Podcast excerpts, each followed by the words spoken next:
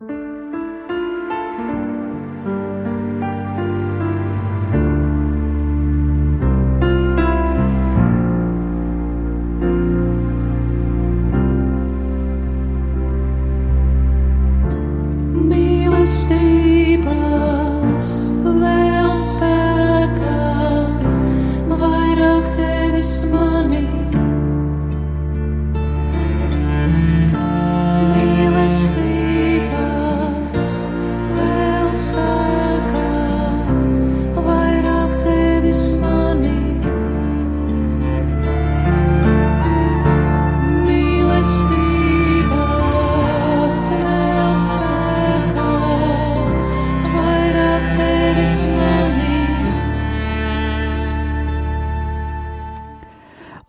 slavēts Jēzus Kristus! Skan radio Marija Latvija ir pirmdienas vakars, 17. februāris, un ēterā raidījums vairāk tevis manī. Ar jums kopā es Sandra Preisa. Šodien skan jau 140. oriģināla raidījums, tā kā mums būs mazi svētki.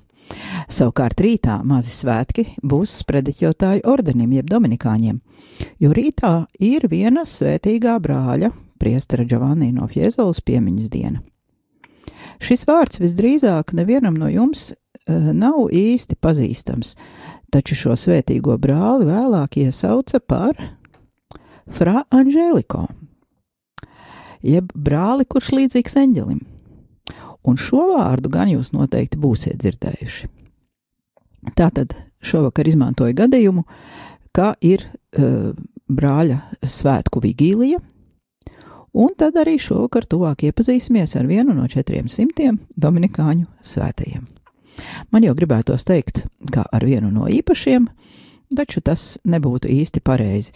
Vienkārši ir tādi svētie, par kuriem ir saglabājies vairāk vēsturisku materiālu, un ir tādi, par kuriem nav saglabājies gandrīz nekas, un tam nav nekāda sakara ar konkrēto personu, jo katrs no mums ir īpaši Dieva priekšā arī tad, ja cilvēki mūs nemaz nepazīst. Es esmu tuvāko raidījumu tēmu ieskicējusi kā 21. gadsimta kristieši, un varētu jautāt, kādēļ tad šovakar runāsim par cilvēku, kurš dzīvo 14. un 15. gadsimta mijā. Atbilde ir vienkārša. Mums ir jāapzinās savas saknes. Kristietība ir veidojusies un turpina veidoties jau 21. gadsimtu. Dievs, Kristus, ir vienmēr tas pats, un arī cilvēka daba nemainās. Mainās tikai tehnoloģija attīstība, sabiedrības struktūra, mode, arhitektūra un citas ārējas lietas, bet cilvēki vienmēr ir tādi paši. Viņi mīl, ienīst, veido dažādas attiecības, mācās profesiju, strādā, pelna naudu, lai uzturētu sevi un ģimeni, raud un priecājas, veido ģimenes, rada bērnus. Gal galā visi reiz dzimst, un visi arī nomirst. Un vienmēr visos laikos ir tādi cilvēki, kurus mēs labprāt izvēlamies sev par piemēru. Lai gan, gan lai iedvesmotos, vai arī tieši pretēji, lai nekad nekļūtu viņiem līdzīgi. Tā nu šovakar iepazīsim cilvēku, kurš ar savu dzīvi un darbiem ir atstājis mums ļoti skaistu un pārlaicīgu vēstījumu. Tagad lūksimies, un tad ķersimies pie šīs dienas tēmas Dieva tēva un dēla un svētā gara vārdā Āmen. Tās mēs lūdzam Tavu svētību šī vakara raidījumam, lai katrs no mums var kaut ko jaunu paņemt savai garīgajai izaugsmai. Tāpat mēs lūdzam to cilvēku nodomos, kuriem ir nopietnas problēmas. Mēs lūdzam par Kristīnu Misāni, Latvijas pilsoni, kuru viņa dzimtā zeme nav mācējusi vai nav gribējusi nosargāt, lai Dievs apžēlojas par viņu un palīdz labvēlīgi atrisināt situāciju. Mēs lūdzam par visiem, kas cieš no netaisnības, no dabas katastrofām, no kara, no citu cilvēku nežēlības. Mēs lūdzam par mieru pasaulē un par vajātajiem kristiešiem. Mēs lūdzam par tiem, kuri zaudējuši cerību, kuri sagrēkojuši un vairs netic, ka varēs tikt ārā no saviem grēkiem, no atka par atkarīgajiem. Mēs lūdzamies par tiem, kur ir tāda aizmisumā, ka iztēlē jau redzēlas liesmas. Mēs lūdzam tevi, Tēvs, atklāj viņiem savu žāsirdības pilnību. Mēs lūdzam tevi, Tēvs, pasniedz roku šiem cilvēkiem, dāvā cerību un prieku spēku un ticību, lai viņi izcīna labo cīņu un tavā vadībā iziet no tās kā uzvarētāji. Tēvs mūsu, kas esi debesīs, svētīts lai top tavs vārds, lai atnāk tava valstība, tavs prāts, lai notiek kā debesīs, tā arī virs zemes. Mūsu dienascho maizi dod mums šodien, un piedod mums mūsu parādus, kā arī mēs piedodam saviem parādniekiem, un neieved mūsu kārdināšanā, bet atpestī mūs no ļaunā. Āmen!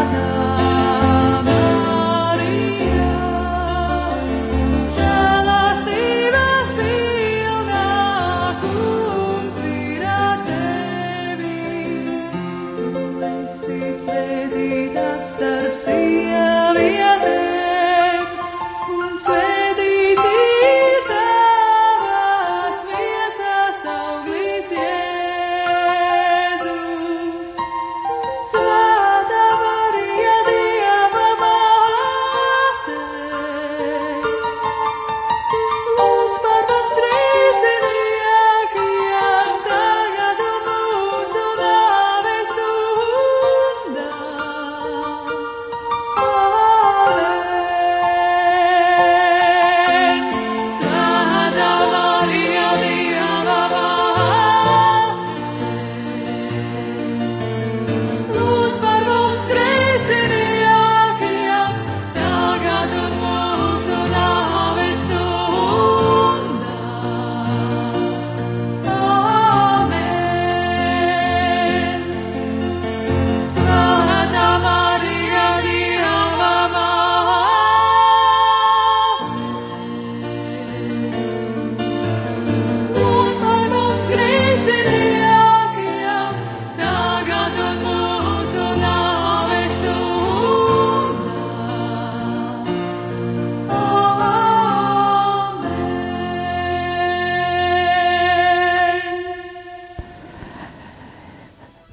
rādījuma arī Latvija. Raidījums vairāk tevis manī un ar jums kopā ēterā Sandra Preisa. Dziesmu, ko dzirdējām, lūkšanu dziedāja Ligita Kursiša Pataša, un šodien arī raidījumā atskaņošu dziesmas, kuras ir kaut kādā veidā saistītas ar dominikāņiem, kuras izpilda vai nu dominikāņi, vai nu dominikāņu draugi. Jo arī raidījuma tēma ir viens svētīgais, tātad no Dominikāņa ordeņa, Frā Anģēliko.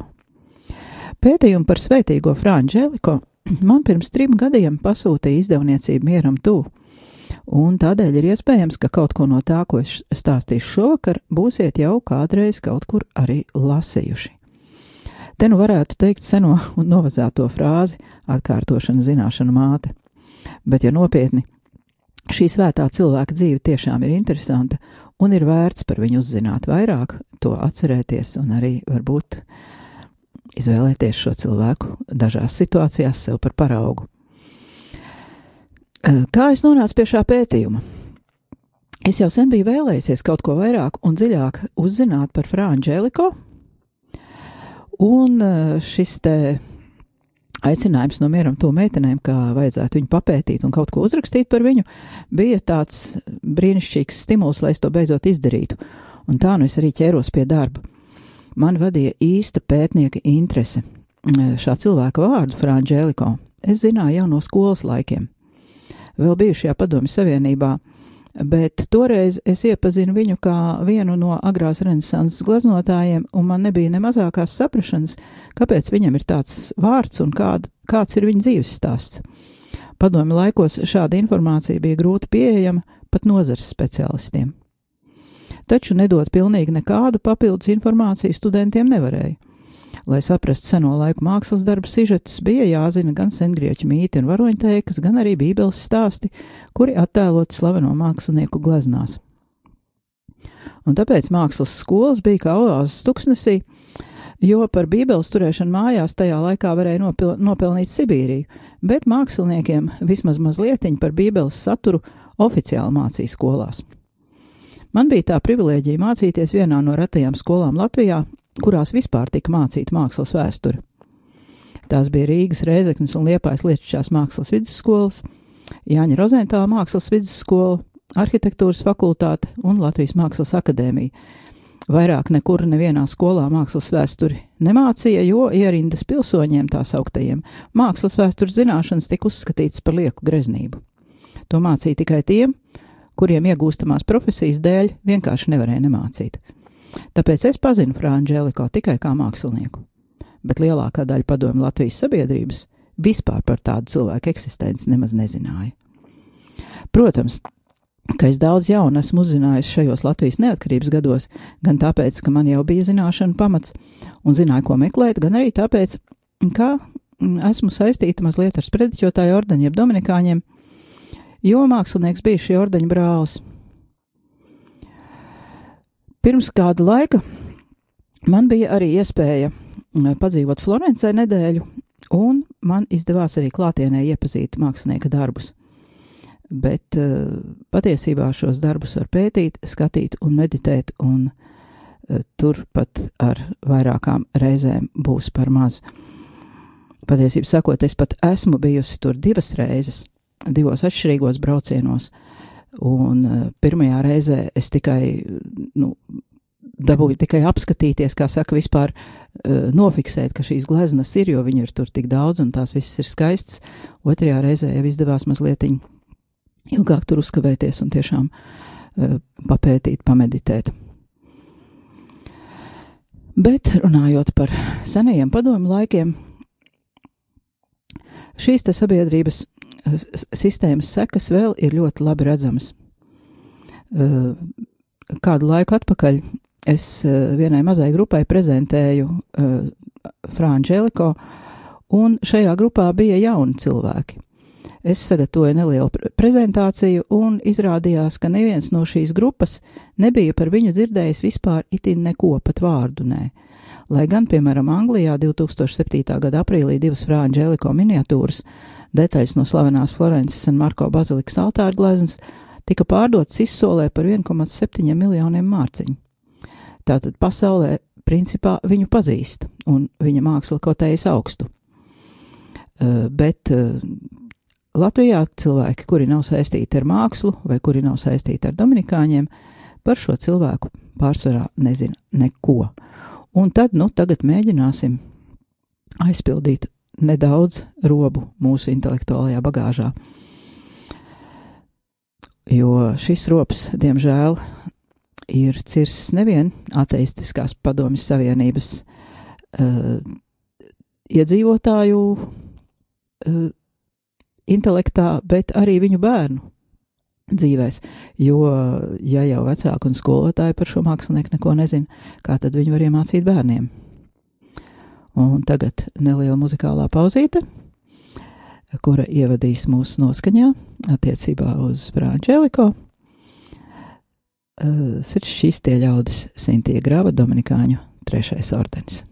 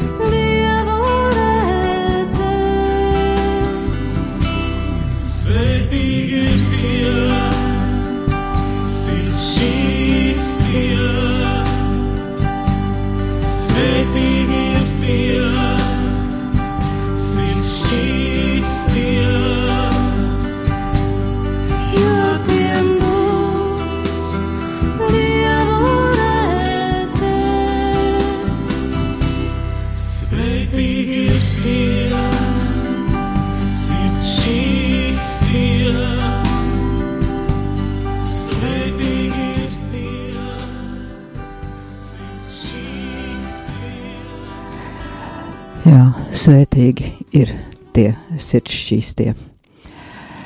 Bet mēs turpinām par Frā Anģēliku atgādina skan radio Marija Latvija un raidījums vairāk tevis manī.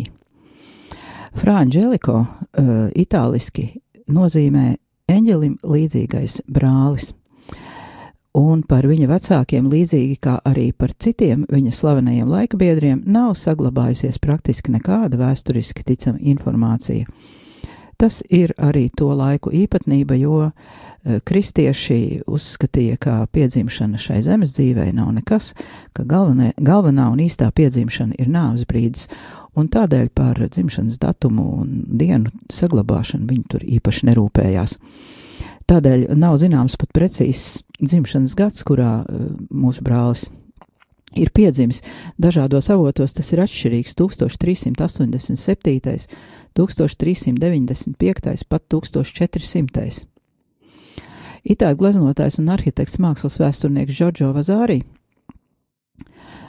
kurš dzīvoja kādus simtu gadus vēlāk nekā, nekā Frančēliko, bet kurš ļoti pamatīgi bija pētījis mākslinieku dzīves, un ir viens no nopietnākajiem autoriem, kas ir rakstījis par Frančēliko.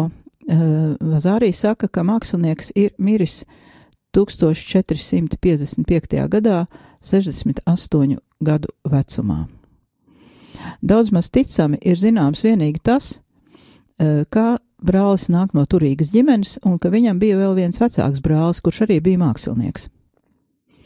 Mūsu svētīgā mākslinieka kristī, kristītais vārds bija Gvido, jeb Gvidolino. Viņa tēva vārds bija Pietro, jeb Piero. Tāpēc vēsturē viņš ir pazīstams arī ar vārdu Gvido di Pietro, respektīvi Gvido uh, Pētera dēls. Piedzima viņš uh, Vikio provincē, pilsētiņā Toskānā, Muzello provincē, Florences stūmā.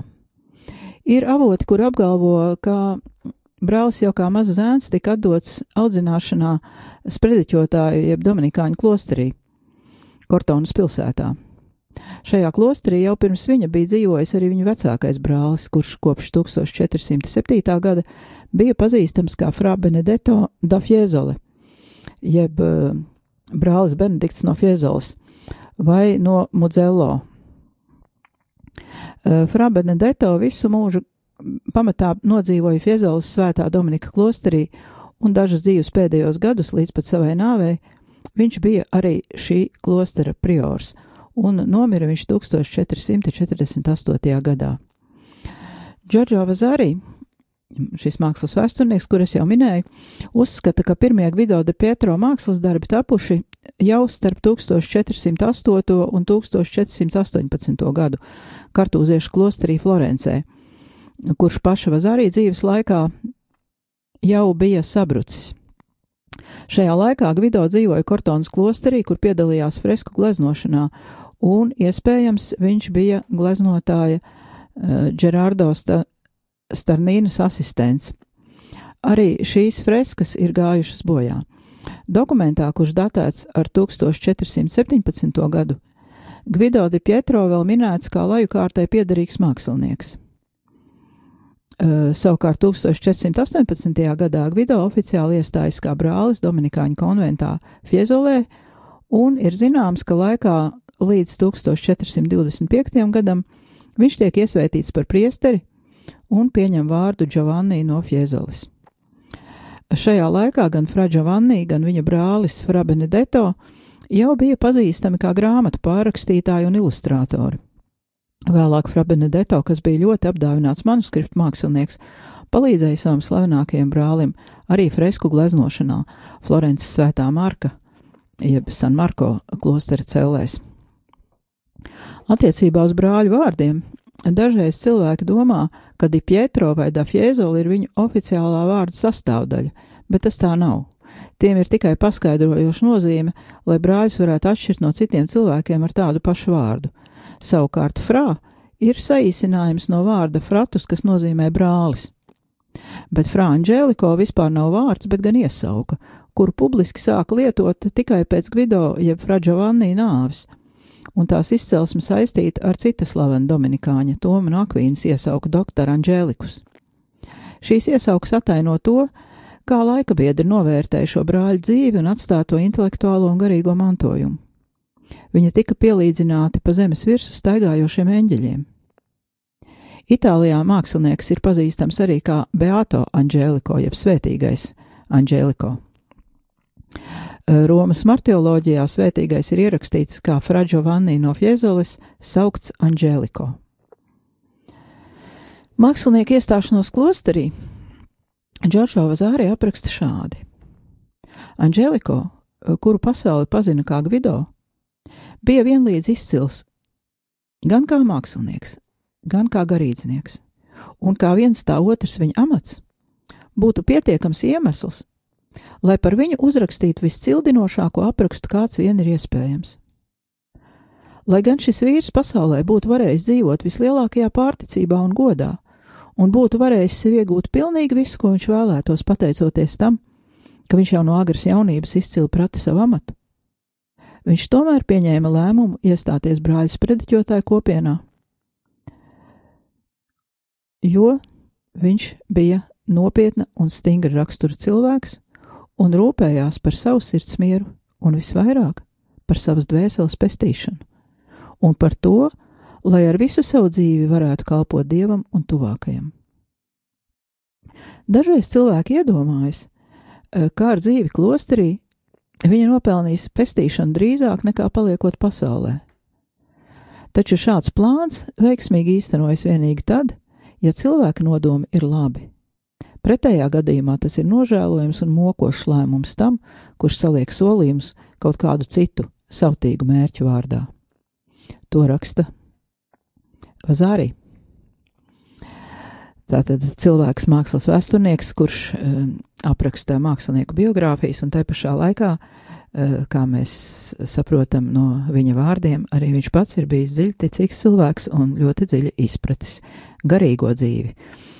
Pēc Vazārī domām Fra Giovannijas skolotājs varēja būt gotiskās tradīcijas lielais gleznotājs un miniatūrists Lorenzo Monaco, jeb Mūks Lorenzo, arī klosteru brālis, e, kura ietekme jūtama tīrajā, smalkajā un perfektajā izpildījumā un vibrējošajās gaismēnās, kuras piešķir gleznotajiem tēliem īpašu garīgo dimensiju. Šīs kvalitātes īpaši labi redzamas divās mazajās altāra glaznās pasludināšana un Madonna ar zvaigznēm. Brāļiem, kā jau māksliniekiem iesācējiem, bija ļoti ierobežoti līdzekļi. Te ir runa tieši par Benedetto un Frančēliko. Un eh, viņiem bija arī ļoti nabadzīgs darba rīku kl- klāsts.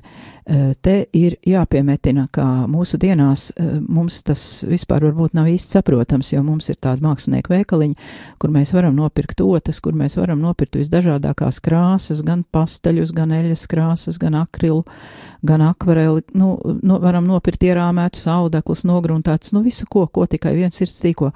Bet tajos laikos katrs mākslinieks visu, visu darināja savām rokām. Viņš meklēja izēvielas gan otām tos matiņus, sariņus un paši sēja otas, viņi paši mm, taisīja krāsas, pirka visus līdzekļus atsevišķi, eh, eļu un, un kaut kādus pigmentu pulverīšus un jauca tās krāsas un centās sajaukt tādas, kā citiem nav, lai varētu, kā saka, izcelties citu mākslinieku vidū. Un jāsaka tā, ka uh, ir tādas saucamās zemes krāsas, kā piemēram okers, ko mēs zinām droši vien esam dzirdējuši vismaz tādu vārdu, ja.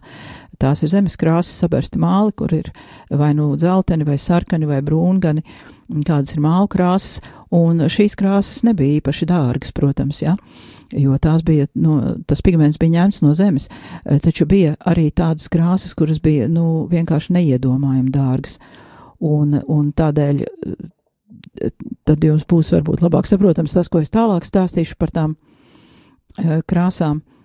Eh, Tātad brāļi, jā, viņi bija it kā no turīgas ģimenes, bet te pašā laikā nu, ne no tik ļoti turīgas, un viņi bija iestājušies Dominikāņu ordenī, kas ir ubagotāja ordens, un kuram, kuram principā arī nekāda nauda nekur bankās neglabājās. Eh, Krāsas brāļi gatavoja paši, bet to izēvielas ir īpaši zelts, zilā krāsa, kura tika iegūta no dārgakmeņa, eh, kas saucas lapis de azul vai latviešu valodā lazurīts, un eh, cinobra sarkanais, eh, kas itāļu valodā saucās vermiļo, bija ārkārtīgi dārgi. Eh, Bet bez tām krāsām nevarēja iztikt gleznojot altāra gleznas, jo šīs krāsas neizbalo un nemainās atmosfēras un gaismas iedarbībā. Jo mēs noteikti arī esam pamanījuši, ka kādreiz ir kaut kādas krāsas eh, uzkrāsotas tīpaši jau uz fasādēm, uz mājas sienām, nokrāso, piemēram, Nacionālā teā- teātra zaļā krāsā, un pēc kāda laika, ka pēc paiet kāds gads, pusotrs, un viņš ir tādā netīri dzeltenā krāsā kļuvis, ja? Un lūk, lai šādas lietas nenotiktu ar gleznām, šie dārgie pigmenti bija jāpērk, eh, jo tie neizbaloja. Tie neizbaloja saulē, tie neizbaloja ar laiku, un šīs gleznas tādēļ arī saglabājušās līdz mūsu dienām, ka tur ir lietoti labi pigmenti. Un eh, tātad, lai nopirktu šos te pigmentus, bija jātērē liela nauda, un brāļa Giovanni darbība radīja diezgan ievērojamas izdevumus eh, tiem konventiem, kuros viņš dzīvoja un strādāja. Eh, Taču konventi bija ļoti pretīmnākoši, brāļi bija pretīmnākoši visa priekšniecība, un viņi neierobežoja eh, brāļa Giovanni māksliniecisko darbību. Un eh, pateicoties tam, ka viņš varēja praktizēt šo glaznošanu, viņš drīz kļuva slavens ar saviem mākslas darbiem, un tad arī viņš visiem saviem eh, brāļiem atmaksāja ar uzviju. Un klosteri varēja labi nopelnīt tādēļ, ka viņu brālis tik skaisti un labi gleznoja. Ap 1438. gadu Florences svētā Marka klosteri atstāja silvestriešu brāļi, kuri tur bija dzīvojuši iepriekš, un tas tika atdots dominikāņiem. Sākās vērienīga baznīcas un klostera pārbūve. Baznīca tika iesvētīta 1443. gadā, un šajā laikā eh, Fra Giovanni jau bija pārcēlies no Fiezoles uz Svētā Marka konventu. Vazārī par šo laiku stāsta tā.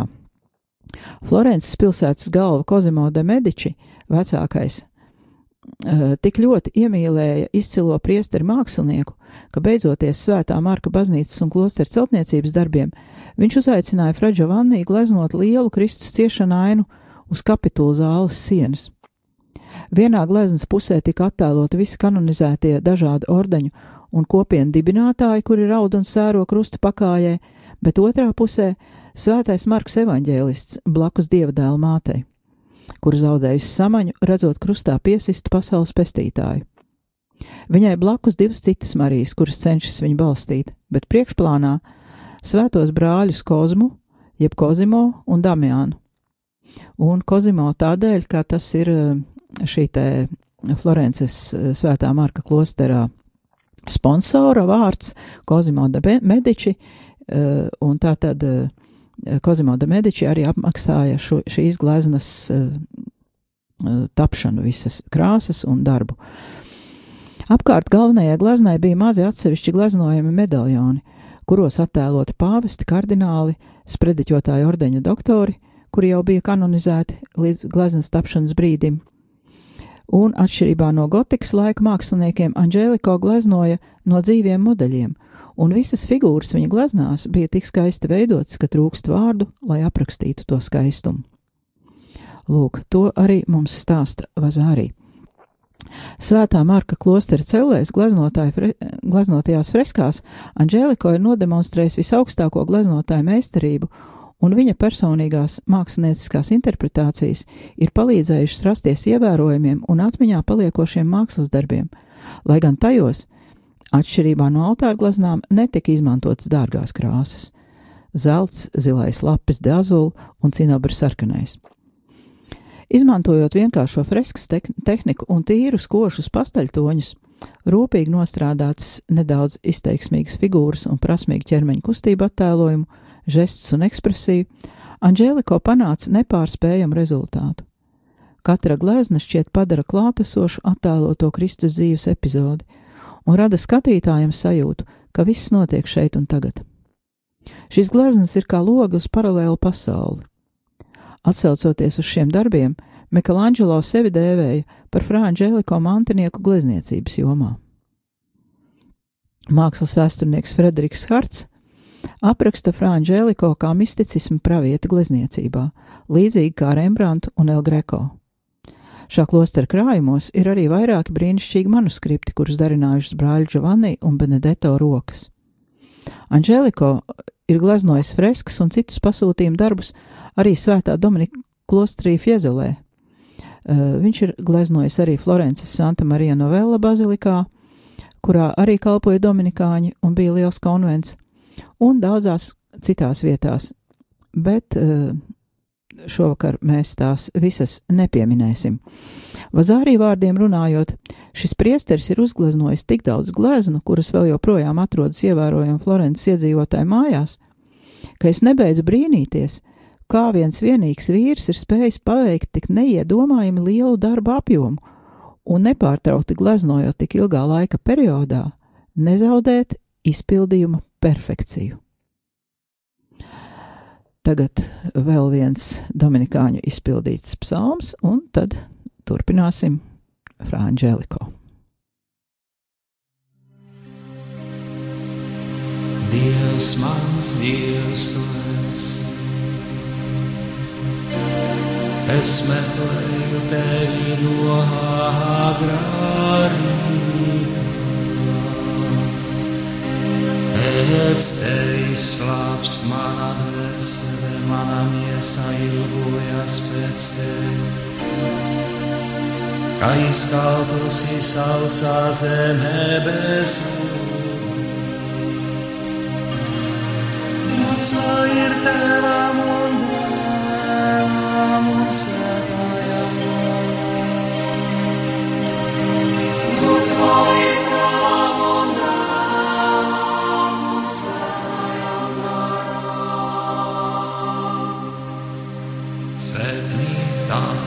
tā esmu lūkojies pēc tevis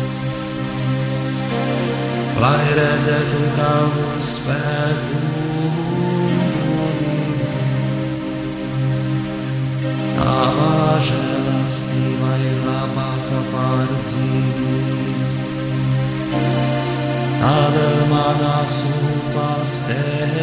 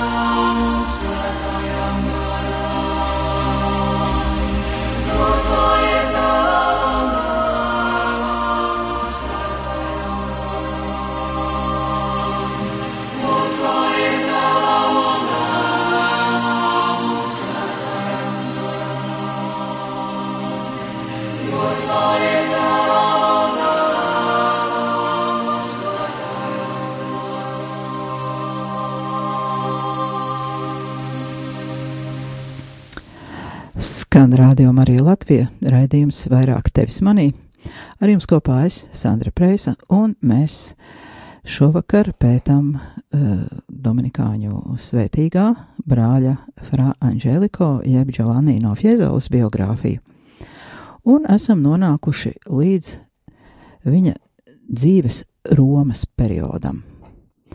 Par Romas laiku Vazārī raksta tā. Šie daudzie darbi padarīja Fra Giovanni vārdu slavenu visā Itālijā, un pāvests Nikolais izsa V izsauca viņu uz Romu un lika apgleznot savas pils kapelu, kurā pāvests svinēja svēto misi. Pāvests pasūtīja gleznu, kurā attēlota Kristus noņemšana no krusta, kā arī lika uzgleznot vairākus stāstus par svētā Laurencija brīnumdarbiem. Mazās kapelas izgra izgreznošanā piedalījās arī vairāki Fraģovannī mācekļi. Nauda netika žēlota, un kapela laistījās zeltā un košajās krāsās tā, ka izskatījās pēc dārglietu kastītes. Tāpat pāvests vēlējās, lai mākslinieks ilustrētu vairākas grāmatas, kuras viņam izdevās izcili skaisti. Bazilikā Santa Marija Sopra Minerva Fra Giovanni uzgleznoja altāra gleznu.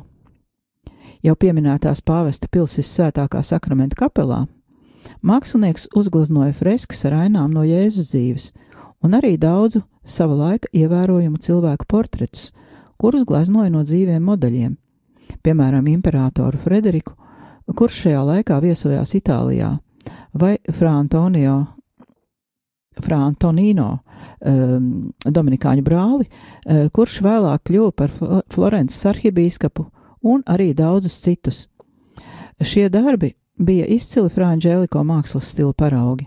Diemžēl nākamais pāvests, pāvests Pāvils III šajā sienā izveidoja parādas kāpnes, līdz ar to iznīcinot gleznojumus. Bet kolekcionārs Paulo Džovio neizsakoja līdzi notikumu gaitai un nepaspēja pasūtīt kopijas, un šie darbi ir pilnībā gājuši bojā. Nu, te es gribētu piemi pieminēt, ka šis te Paulo Džovio bija ļoti interesants cilvēks, viņš bija mākslas kolekcionārs, Un tā kā freskas, piemēram, viņš nevarēja aiznest uh, savā kolekcijā un novietot savā personīgajā galerijā, viņš aicināja māksliniekus uh, zīmēt šo, gleznot šo fresku kopijas. Un tad šīs kopijas nonāca pie viņa mākslas kolekcijā, un tādā veidā viņam bija izdevies izglābt no pazušanas daudzas gleznas, kur oriģināli vairs nav saglabājušies. Un viņa krātuvēs palika vismaz kopijas, bet šī gadījumā, diemžēl, pāvests Pāvils III tik strauji pieņēma lēmumu, ka viņš tur sitīs to sienu jauks ārā, sitīs tur caurumu un taisīs kāpnes, kā vienkārši šis kolekcionārs nemaz nepaspēja attapties, ka tur tās gleznas vajadzētu nokopēt un nepaspēja, un, un tādēļ tās nav saglabājušās, un ir ļoti žēl, jo no šīm gleznām mēs būtu šodien mūsdienās varējuši uzzināt, kā izskatījās tiešām dzīvē to laiku izcilie cilvēki, kuri vairāk pēc tam nekur nav gleznoti no dzīviem modeļiem, un tādēļ tā tiešām tāda interesanta informācija ir aizgājusi bojā. Jā, bet tajā laikā, kad pāvests Pāvils III tur ārdīja to sienu un būvēja kāpnes, viņš strādāja arī kopā ar Fra Giovanni, un iepazina viņu tādu, kāds viņš patiesībā bija, kā personu, kura dzīvo visaugstākajā svētuma pakāpē, mierpilnu un pieticīgu. Un tā kā šajā laikā bija vakanta Florences arhibīskapa katedra, pāvests nolēma, ka šis priesteris ir augstā amata cienīgs. Taču, kad brālis Giovanni to izdzirdēja, viņš no sirds lūdza pāvestu sameklēt kādu citu vīru, jo viņš nejuta sevī spēju vadīt.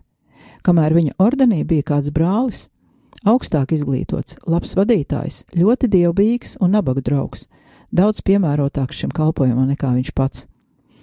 Un tas bija arī iepriekš minētais Fra Antonino no tā paša klostera, kur uh, dzīvoja Fra Angeliko, jeb Fra Giovanni tajā laikā. Un pāvests, uh, dzirdot uh, šo te Fra Giovanni komentāru, kā viņš ieteiktu pāvestam labāk par bīskapu iecelt to otru brāli, to brāli Antonino, uh, Pāvests atcerējās šo vīru un saprata, ka Fra Giovanni saka patiesību, labprātīgi atsakoties no amata. Un tā Florences arhibīskapija tika uzticēta Fra Antonino Dominikānim, brālim no sprediķotāja ordeņa, vīram, kurš patiesi bija slavens gan ar savu gudrību, gan ar savu svēto dzīvi un sava rakstura dēļ. Viņš uh, jau dzīves laikā tika uzskatīts par svētu un tika kanonizēts jau 1523. gadā ar pāvesta Adriana sestā lēmumu. Uh, Tātad viņš tika kanonizēts ātrāk nekā Fra Giovanni. Un tagad turpina atkal Džordžo Vazārī mākslas vēsturnieks. Fra Giovanni augstsirdīgā rīcība ir patiešām rets gadījums. Labprātīgi atteikties no augstā amata goda un cieņas, kur viņam piešķīra pats pāvests par labu cilvēkam, kur viņš savā vienkāršībā un sirds skaidrībā uzskatīja cienīgāku par sevi, mūsdienu garīdzniekam būtu vērts pamācīties no šā svētā vīra. Neuzņemties pienākumus, kurus nav spējīgi cienīgi izpildīt, un piekāpties to priekšā, kuri to spēj izdarīt labāk. Lai Dievs dod, ka uzlūkojot Fra Giovanni, un sacīto nevajadzētu uztvert kā pārmetumu, ka visi garīdznieki pavadītu savu laiku tā, kā darīja šis patiešām eņģelim līdzīgais tēvs, sakojot, lai katra viņa dzīves minūte būtu veltīta kalpošanai Dievam un par svētību pasaulē un tuvākajam. Vai gan var vēlēties kaut ko lielāku, kā iemantot debesu valstību, dzīvojot svētu un piepildītu dzīvi, un iemantot mūžības slavu ar tikumīgu, tikumīgu kalpošanu pasaulē? Un patiešām, tik liels un neparasts talants, kāds bija Fra Giovanni, nevarēja un nedrīkstēja izlieties pār kuru katru, bet gan tika glabāts šim izcili svētiem cilvēkam. Tā vienkāršā iemesla dēļ, ka tam, kurš strādā ar svētām un reliģiskām lietām, ir jābūt ticīgam un svētam cilvēkam. Jo ir piedzīvots, ka tad, kad tik lielas lietas tiek darītas pie mazticīgiem cilvēkiem, kuriem nav īpašas intereses par reliģiskajām lietām, šīs dāvanas visbiežāk raisa cilvēka domās ļaunas tieksmes un izvērtīgas vēlmes, kuras atainojas arī viņa darbos, lepnībā par radīto mākslu un tukšā lielībā ar savām spējām. Fra Giovanni bija vienkāršs vīrs un svēts visos savos ceļos. Viņa augstie tikumi atklājās ikdienišķās situācijās. Kādu rītu pāvests Nikolais V uzaicināja mākslinieku uz brokastīm. Uz galda bija gaļa, un svētīgais jūta sirdsapziņas pārmetums, jo nevēlējās ēst gaļu bez klostera priora atļaujas. Aizmirstot, ka taču sēž pie paša pāvesta galda. Viņš vairījās no pasaulīgām lietām, dzīvoja šķīstu un svētu dzīvi.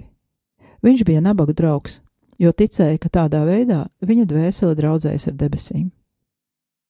Viņš nemitīgi uzlaboja savas gleznošanas prasmes, un labāk būtu gleznojis tikai svētos. Viņš būtu varējis būt ļoti bagāts, bet viņš par to nedomāja, nē. Viņš vēl mēdza sacīt, ka patiesā bagātība slēpjas mazumā. Viņš varēja valdīt pār daudziem, bet viņš to nedarīja, sakot, ka drošāk un mazāk nogurdinoši ir paklausīt citiem. Viņam bija iespēja iegūt augstu stāvokli gan pasaulē, gan brāļu vidū, bet viņš to noraidīja, paziņojot, ka viņu neinteresē nekas cits, kā attālināties no elles un tuvoties debesīm. Un patiešām, ko gan var salīdzināt ar to cieņu, kuru katram garīdzniekam nē, katram cilvēkam vajadzētu meklēt, un kuru var atrast vienīgi dievā un likumiskā dzīvē. Svētīgais brālis bija ļoti maigs un līdzsvarots. Viņš dzīvoja šķīstībā un izvairījās no pasaules lamatām. Pieredze bieži teikt, ka tam, kurš rada tādu mākslu, ir jādzīvo klusi un jābūt brīvam no rūpēm, un tam, kura darbs ir saistīts ar Kristu, ir arī jādzīvo ar Kristu. Viņš nekad nebija redzēts dusmojamies uz saviem brāļiem, kas man liekas pilnīgi neiespējami, un viņam bija raksturīgi citus pamācīt vienīgi ar klusu smaidu. Ja kāds vērsās pie viņa, lai pasūtītu kādu gleznu, viņš ar neticamu laipnību lūdza, lai tas vēršas pie priora pēc atļaujas, un tad viņš nekļūdīsies. Īsāk sakot, Tēvs bija pats pazemības un pieticības iemiesojums, un šī pastāvīgā nostāja ļāva svētajam viņa gleznās izskatīties, svētajiem viņa gleznās izskatīties tik viegliem un īstiem, ka neviens cits nespēja tā uzgleznot. Viņš arī nekad nelaboja un nepārgleznoja savus darbus, bet atstāja tos tādus, kādi tie izdevās ar pirmo reizi, ticot, ka tāda ir dieva griba. Stāsta, ka Frā Giovanni nekad nepieskārās otai, ja pirms tam nebija lūdzies. Ja viņš gleznoja krucifiksu, asaras vienmēr straumēm līp pār viņa vaigiem. Ielūkojoties viņa gleznoto tēlu sejās un stājā, var redzēt mākslinieka prāta dižumu, labestību un viņa dziļo ticību Kristum. Fra Giovanni nomira Romā 1445. gada 18. februārī, 68 gadu vecumā, tas ir pēc Vazārī tātad.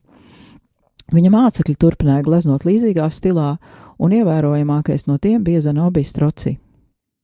Ordeņu brāļi viņu apglabāja Santa Marijas Sopraminēru bazilikā Romā, blakus sakristijai, apaļā marmora šķirstā, uz kura ir izkalts viņa paša attēls, kurš veidots no pēcnāves maskas. Marmorā iegravēta epitāfija, oriģinālā latīniski, es nolasīšu to uh, iztulkotā veidā. Neteiciet mani par to, ka biju kā apels, bet par to, ka visu, kas man ir bijis, esmu atdevis tavējiem, Kristu. Tāpēc viena man darba paliek uz zemes, bet citi nonāk debesīs. Tā es, Jānis, piedaru pilsētai, Etrūrijas ziedam. Un, lai saprastu, ko viņš bija domājis ar šo, tātad apels bija uh, visslavenākais no sengrieķu gleznotājiem, dzīvoja 4. gadsimtā pirms Kristus, un tādēļ Raģoani, jeb Franģeliko, nevēlējās, lai viņu slavē viņa glezniecības dēļ, gan, bet gan par to, uh, ka viņš ir visu, ko vien varējis, atdevis tiem, kas pieder Kristum, tavējiem, Kristu, viņš saka.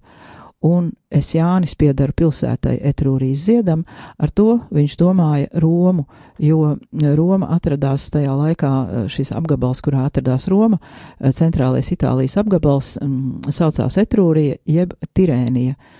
Un tā tad Jānis teica, ka viņš pieder vienkārši šai pilsētai.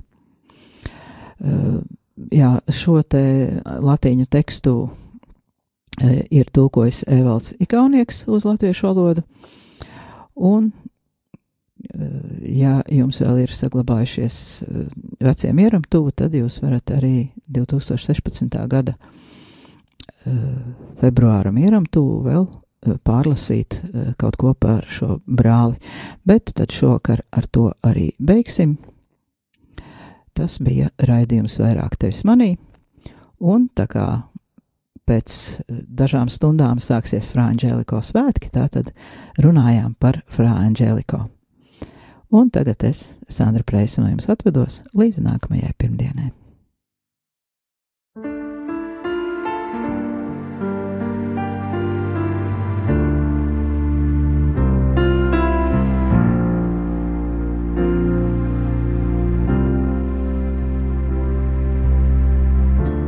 Mīlestība. us, they'll say.